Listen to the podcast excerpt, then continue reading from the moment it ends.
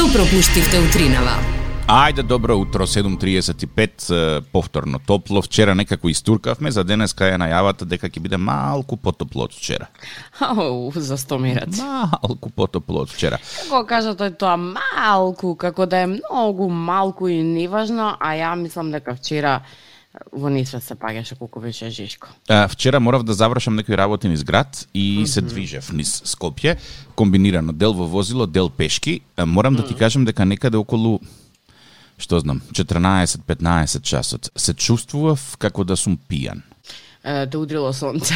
А, ми се спиеше. Mm -hmm. Дојдов дома, си легнав, си одспав два сата се разбудив, чекав да се стемни, го прошетав песот, па си легнав, па заспав. Значи, некое чувство на малаксеност, на недостаток на енергија, на измореност, кое што не можам да го опишам, а кое што порано не сум го имал кога е, сум бил присутен на сонце во подолги временски периоди, така да најверојатно нешто ќе да е до, до годините. Е, мислам дека не е до годините, туку веројатно предводено тоа да ги завршиш сите можни обврски кои што ти биле зададени за вчерашниот ден, си гледал само да завршиш, а не ти било важно колку време престојуваш под сонце или под сенка и резултатот на тоа е нели она што ти се случило и таа среќа што не си поминал многу страшно, си поминал со со дремка.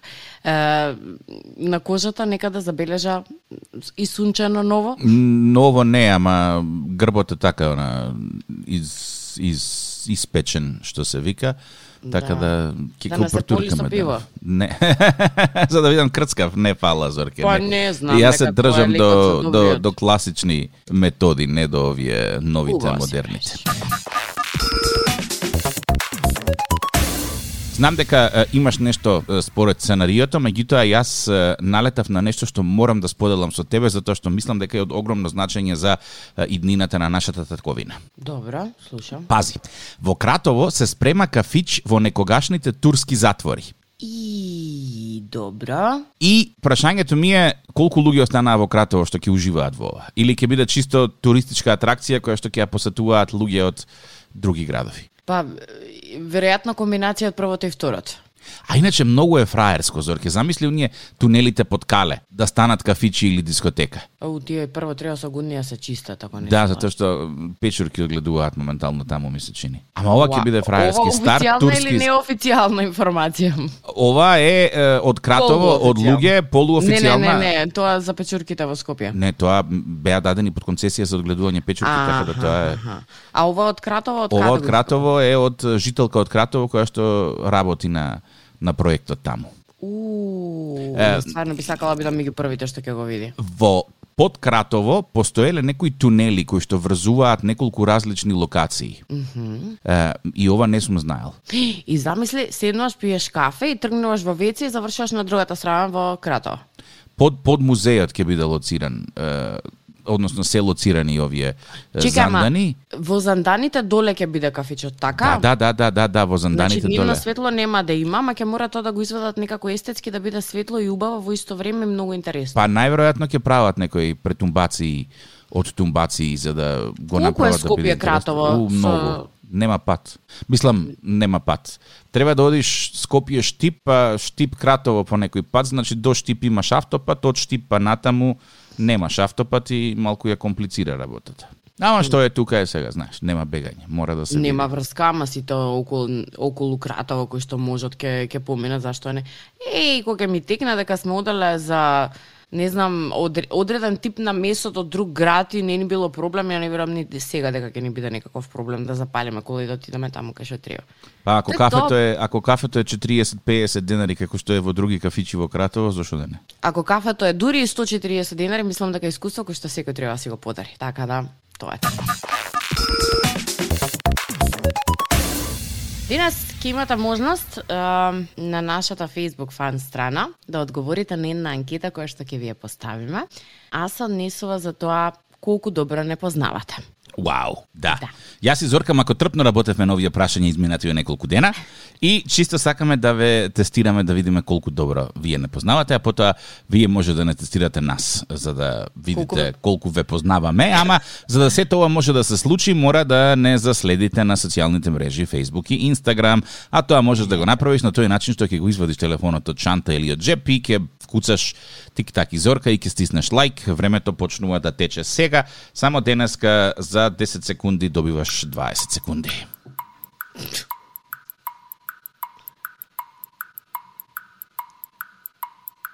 Се чувствувам како нешто да треба да кажам, а не треба. Ете го. Добивме 20 секунди? Еве уште 10.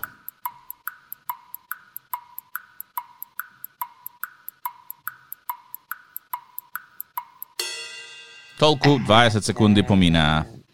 Да. Е, сега малку ќе се вратиме на дневните новости пред да започне анкетата, заради тоа што има многу работи кои што јас ги видов утринава и на истите би сакала да добиам одговор.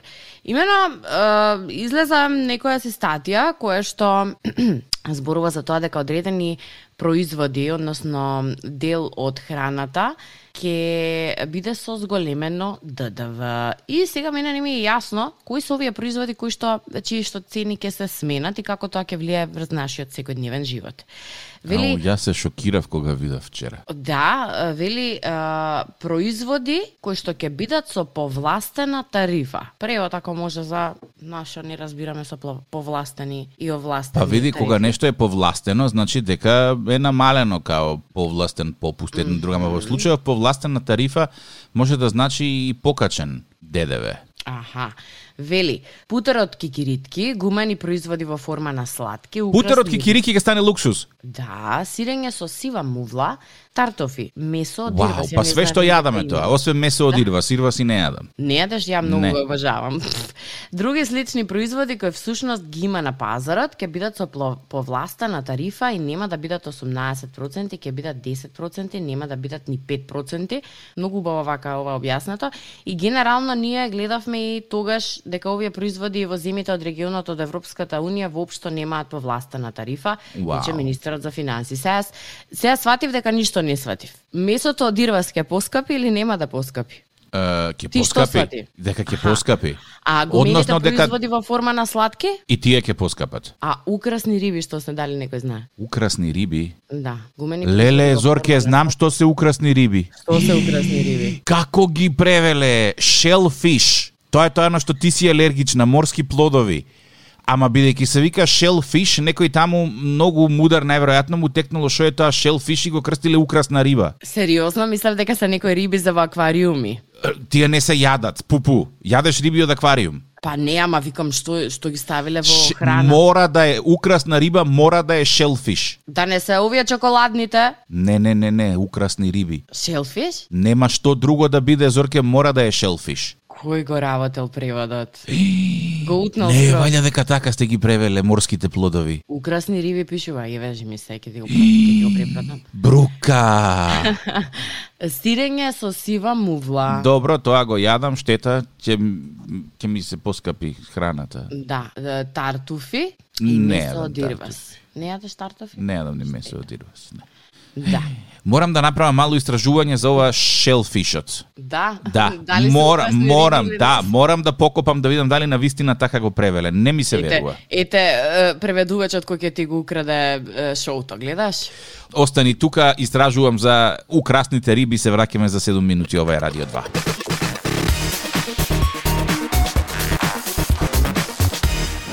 Тик-так и Зорка сме на Facebook и на Instagram и 079274037 е во функција моментално. Ме интересира вашето мишлење околу украсните риби кои што се со повластена е, стапка. Што е тоа што е украсна риба, може да се јаде и за кое што ќе плаќаме ДДВ на луксус. Е, некој вели дека шелфишот кој што јас мислев дека го превеле како украсна риба се школки, вели не верувам дека некој толку би ја утнал работата, ама никогаш не се знае што може да е вистина, а што не. Ако сакаш да чуеш некоја песничка, ќе се јавиш директно во радио 5119 852, ќе комуницирате со директно задолжените и одговорните за музиката, за да не си играме расипан телефон и да не пропуштиме некоја од вашите музички номери. Е, да така. А во секое време, доколку ве интересира што правиме во нашите приватни животи, он, тогаш кога не сме на радио, тогаш кога не сме пред микрофон, слободно може да не заследите на Инстаграм или на Фейсбук, не барате како Тик-так и Зорка и вамо и таму, а дополнително и мојот приватен профил на кој што и така многу сакам да споделувам каде шетам, што јадам, сега ништо не јадам, само готвам. И се она што ме мачи како дневни активности или работи кои што пак ме импресионираат, а сакам да ги споделам со вас. Не се, доста се информиравме за тоа каде сакате или каде можете да не најдете. Оно што е многу важно, а дел од вас не го знаете, дека многу наскоро ова дуо ќе барем периодично ќе биде моно ако добро се разбравме. Односно, а, за многу скоро, односно ова е нашата последна заедничка емисија со Тик-так, Тик-так малку ќе паузира.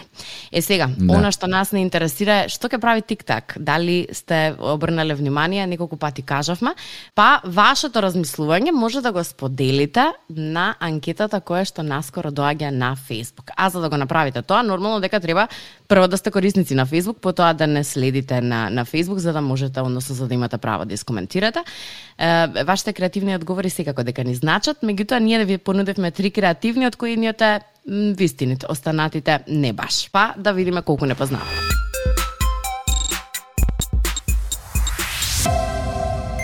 Каде отидоа твоите должници на одмор оваа година, Зорке?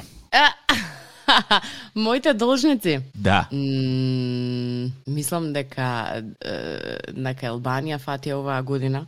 Може, толку малце пари им даде? не, ја пари колку што дадов може на Малдиви да одат, меѓутоа изборот веројатно паднал таму каде што можеле да си дозволат. А каде твоите должници тик тако ти да оваа година на одмор? Јас одамна ја научив таа лекција со должници и престанав да давам и да барам пари. Крај. Нема. Во, Не, во, во корен го сечам разговорот. Е, значи, многу е интересно дека само кај нас должникот може да биде увреден ако му ги побараш парите назад да ти ги врати. И како, тие што ти ги должи. Па ти ги дам, па. Ту па во мене ли се сомневаш? Па нели е срамота вака да ме подсетуваш 10 пати? Мислам, да, срамота е, ама не требам ја да се засрамам. И нели ќе да... ти, да, ќе ти, ќе ти, ти го изврти муабетот на негова да, воденица уште да ти падне се, непријатно. Ти ќе се осетиш незгодно што си се јавил. Ти ќе се осетиш незгодно што си подсетил, а реално ако се вратило на време немало да има потреба да подсетуваш, нели или да се јавуваш купуваш или да ќе да ти побара пари да отиде некаде mm -hmm. или за нешто итно, лек или што ти друго не и наеднаш опцуп Знаеш што, гледаш дека е на летување имам некаде. Имам сериозен, да, да, да. и гледаш каде твоите макотрпно заработени пари се потрошени. И си викаш, у, ова можев да бидам јас. Не и се туку, друга сега да ти кажам, а, значи, јас немам проблем некој да ти се јави да ти побара пари на заем, да речеме, ми треба толку и толку пари, а ти каже, не сум сигурна кога можам да ти ги вратам, нели? Не сум баш сигурен дека можам во тој, меѓутоа дај ми еве да речеме период од 3 месеци ќе се потрудам да ги вратам сите. А многу ми е интересно кога некој ќе ти каже еве пример дај ми илјадарка на заем, следната недела ќе ти ги вратам, следната недела Папала маца. Ако гледаш, ја зел илјадарката и се слика од некој со некој со некој лате макијато од од 500 да, да, денари некаде. Да, и па може за тоа му требала илјадарката. Ма не се зашто им требаат парите кога ги поземуваат. Сигурно никој не се срами да побара од другиот, така навистина не му се потребни, ама е, имаме проблем со временската рамка за тоа колку време за колку време ќе бидат вратени. Сериозно имаме проблем. Ти се случило некој точно на време да ти врати пари? Никогаш. Зоран е на линија. Повели. Ајде. Ај, добро утро, ти Зорка. Добро, добро утро.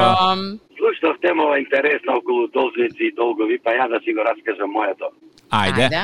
Интересно е. Покоен е Бог да му е прости душата, о покойнику све најлепше, ама се кажува. Должник или Должник беше должник, се раздолжи, меѓутоа приказката да ви ја кажам интересна. Ајде. Ајде.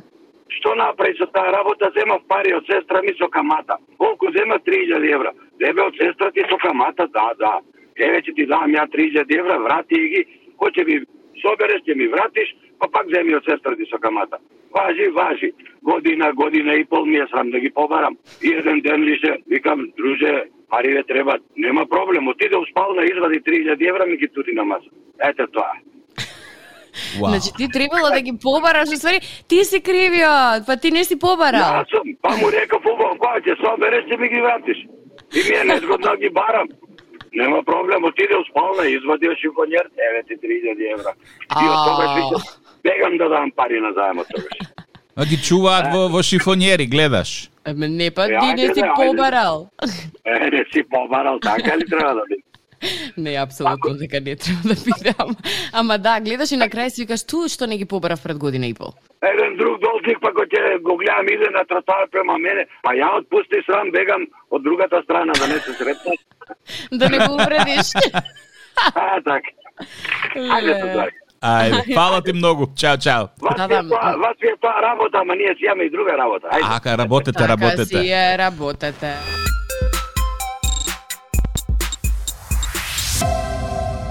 Добро утро. Ја, ја возам, ама не гледам шо како там профилите, чат пат улевам, разбираш. Мгм. Тик так нема да замереш него. Зорка е по по обожавам него ли тебе. Ако така и треба. Искрено, искрено кажувам. Добра. А и двајцата се добри. За ово по зајмиците, за Е. парите. Ова е една голема лекција што треба да ја знае секој. Пари може да дадам на заем, колку ќе посака, колку имам де. Ама под услов ако може да го тепам. Иначе ако не може да го тепам, кој ќе му ги земам пари? Ја ќе му позајмам пари онда да иде на одмор, а ја ќе ќе се пржам на сонцето тук или ќе или да купе дрва. А кредит ваде за за одмор. Значи условот е тај. Ако можеш да го тепаш, позајмуве пари. И тоа со камата ќе ќе го тепам и тоа полека, ама квалитетно. И така ќе ги врне пари. Некој си нашол рецепта совршена како да поземи пари, а да не биде да возијан. Методологија ми се допаѓа.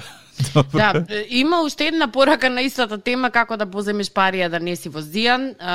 Стасан на Facebook, ако не се лажам, не, на Инстаграм е Стасана, вели пред месец дена јас поземив 20.000 динари, ама со договор за заем на нотар, чиста сметка долга љубов.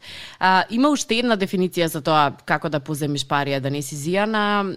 Таа вели поземи онолку колку што сметаш дека нема да ти бидат потребни, затоа што веројатноста дека некој ќе ти ги врати може би е минимална, зависи. Види, на почетокот кога позајмаш сите велат дека веднаш ќе ти ги вратат. Ама потоа никој. Ама ретко, ретко кој... Не, јас не знам кога беше пред пред одредено време не, не мислам дека не беше ти. На некого од некого поземив пари, не знам ни за што ми треба. Не можам да спијам навечер. Ау, викам дека не ги, вра- ги вратив, фала, повеќе не ми треба. Знаеш да зашто не позајмам. Ако можеш немам, да спиеш? Ке ти кажам Зошто? зашто. Затоа што малку си позајмила, Зорке. Ако поземев многу, мислиш инстант ќе заспиев? До сумата? Да.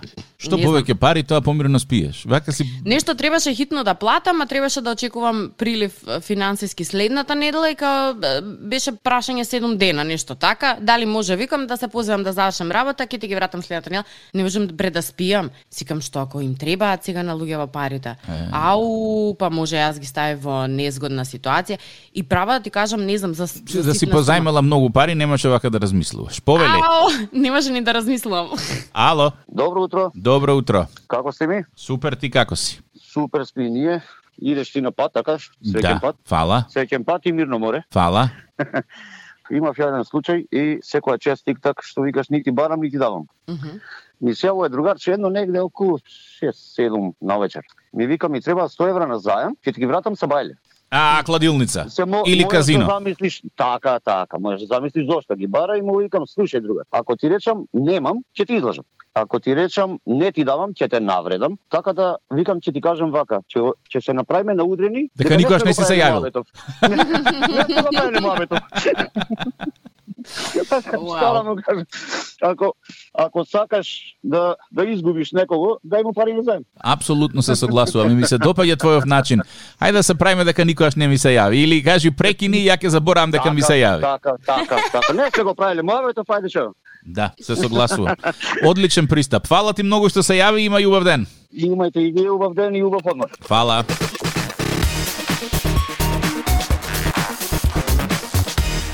Тик-так и Зорка, добро утро. На тема Зорке, украсни риби, три различни медиуми различно ги превеле. Значи, еден медиум ги пренесува како украсни риби, друг медиум ги пренесува како сушени риби, а трет медиум игра најбезбедно и ги пренесува како некои видови риба. Па кој тоа отворено за толкување согласно толковникот. Туку видов дека и на политанките се со покачен ДДВ, така да и на политанките се изгледа луксус. Е, за ова срце ме заболя. За другите работи може не, ама за наполитанки, па дај му на човекот да заблажи душа. Е, ќе му дадеш, ќе си земе Ке почнеме се дома сами да си правиме, гледам јас. Наполитанки исто така. Па наполитанки не знам да правам, ама гледаш бомбици чим направив. На така иде работата. Ау! Петок е ден за крај на оваа сезона. Не, петок е ден рај на оваа сезона и дојде крај. Денеска има две гатанки. Една ти, една јас, да видиме кој ќе победи во овој час. Правилата и пропозициите се следни. Добро. А има нови правила? Да. Повели. Па тоа ги прави овие гатанки интересни зорке. Секој ден има нови правила, еј. Е, што Како е, у држава секој ден има нов устав, ние да немаме нови правила. Па тоа што сакам да не? кажам, како собрание сме. Ајде, повели, кои се денес новите предлози? Денешниве нови предлози се затоа што мене ќе ме нема долго време, додека сум на одслужување на е, на пат околу светот. Е, Ке е, и да не памтиме до кај стасале овие како се викаат резултативе, Гатанки, да, аха. колку што е. Како е две гатанки денеска, значи. И е, со тоа што ако биде резултатот 1-1, оваа сезона ја прогласуваме за нерешена. Ау, сакаш да ми кажеш дека денешните гатанки всушност го одредуваат крајот на сезоната? Да. А, па не, не го напишав тогаш домашното како што треба. Ама добро, ајде, се надевам ќе ме послужи среќа да те победам. Мислам дека на вистина беше евидентно дека оваа сезона јас цело време победував. Добро. ајде, нека игра, ќе играме по новите правила, ајде. А, прва ти. Јас прва. Да. Дај тоа мотивацијската музика за да биде... Не е Ова? тоа мотивацијска музика, не. Ова. Ето е тоа. Слушај добро. Ако ме употребиш, ќе бидеш ти. Ако ме изгребеш, тогаш ќе бидеш никој.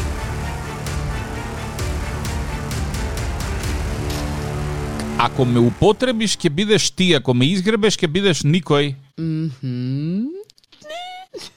Ако ме употребиш, ќе бидеш ти. Ако ме изгребеш, лоз, Не. Леле, кај ти отиде памет. Šta е, баби? Ја ќе ме молам само од публика да немаме помош денес. Ако ме изгребеш, ќе бидеш ти. Не, ако ме... Што ако, Ако ќе бидам јас? употребиш, ќе бидеш ти, а ако ме изгребеш, ќе бидеш никој. Ама Име? признај дека не знаеш, не. Име? Не знам, Не. признавам. Признаваш? Признавам. Огледало. Браво, Зорке. Значи, сепак домашната задача добро завршена. Да. Ајде да видиме сега ти. Е, Само да се договориме, не може вклучување на GP тоа. Чат GPT? Да. Не, ова не е чат GPT, оваа гатанка ја смислив јас за тебе за да видам како ќе се справиш со ова. Одиме. Мало келаво, без пари сите го сакаат. Што е тоа? Ау, чек. Да, за Без- некој. Мало келаво, без парија сите го сакаат. Полека само не стискај се, чекај, размислам. Мало килава, без пари, а сите го сакаат. Паметот ми оди на некоја топка. Сите го сакаат. Што е тоа што сите го сакаат? Сијалица не е. М, сонце. Не е келаво сонце. М, мало келаво, а сите го сакаат. Чекај, морам да ја погодам, а не ми текнува. Мало келаво. Добро се откажувам, ајде. Одговорот ти го дадов во најавата, Зорке. Дали внимаваше на најавата? Да, мало келаво, Не, без тоа е пари, гата- а сите го... тоа е А, гатанка. Е, е, не. Се предаваш? Се предавам. Бебе.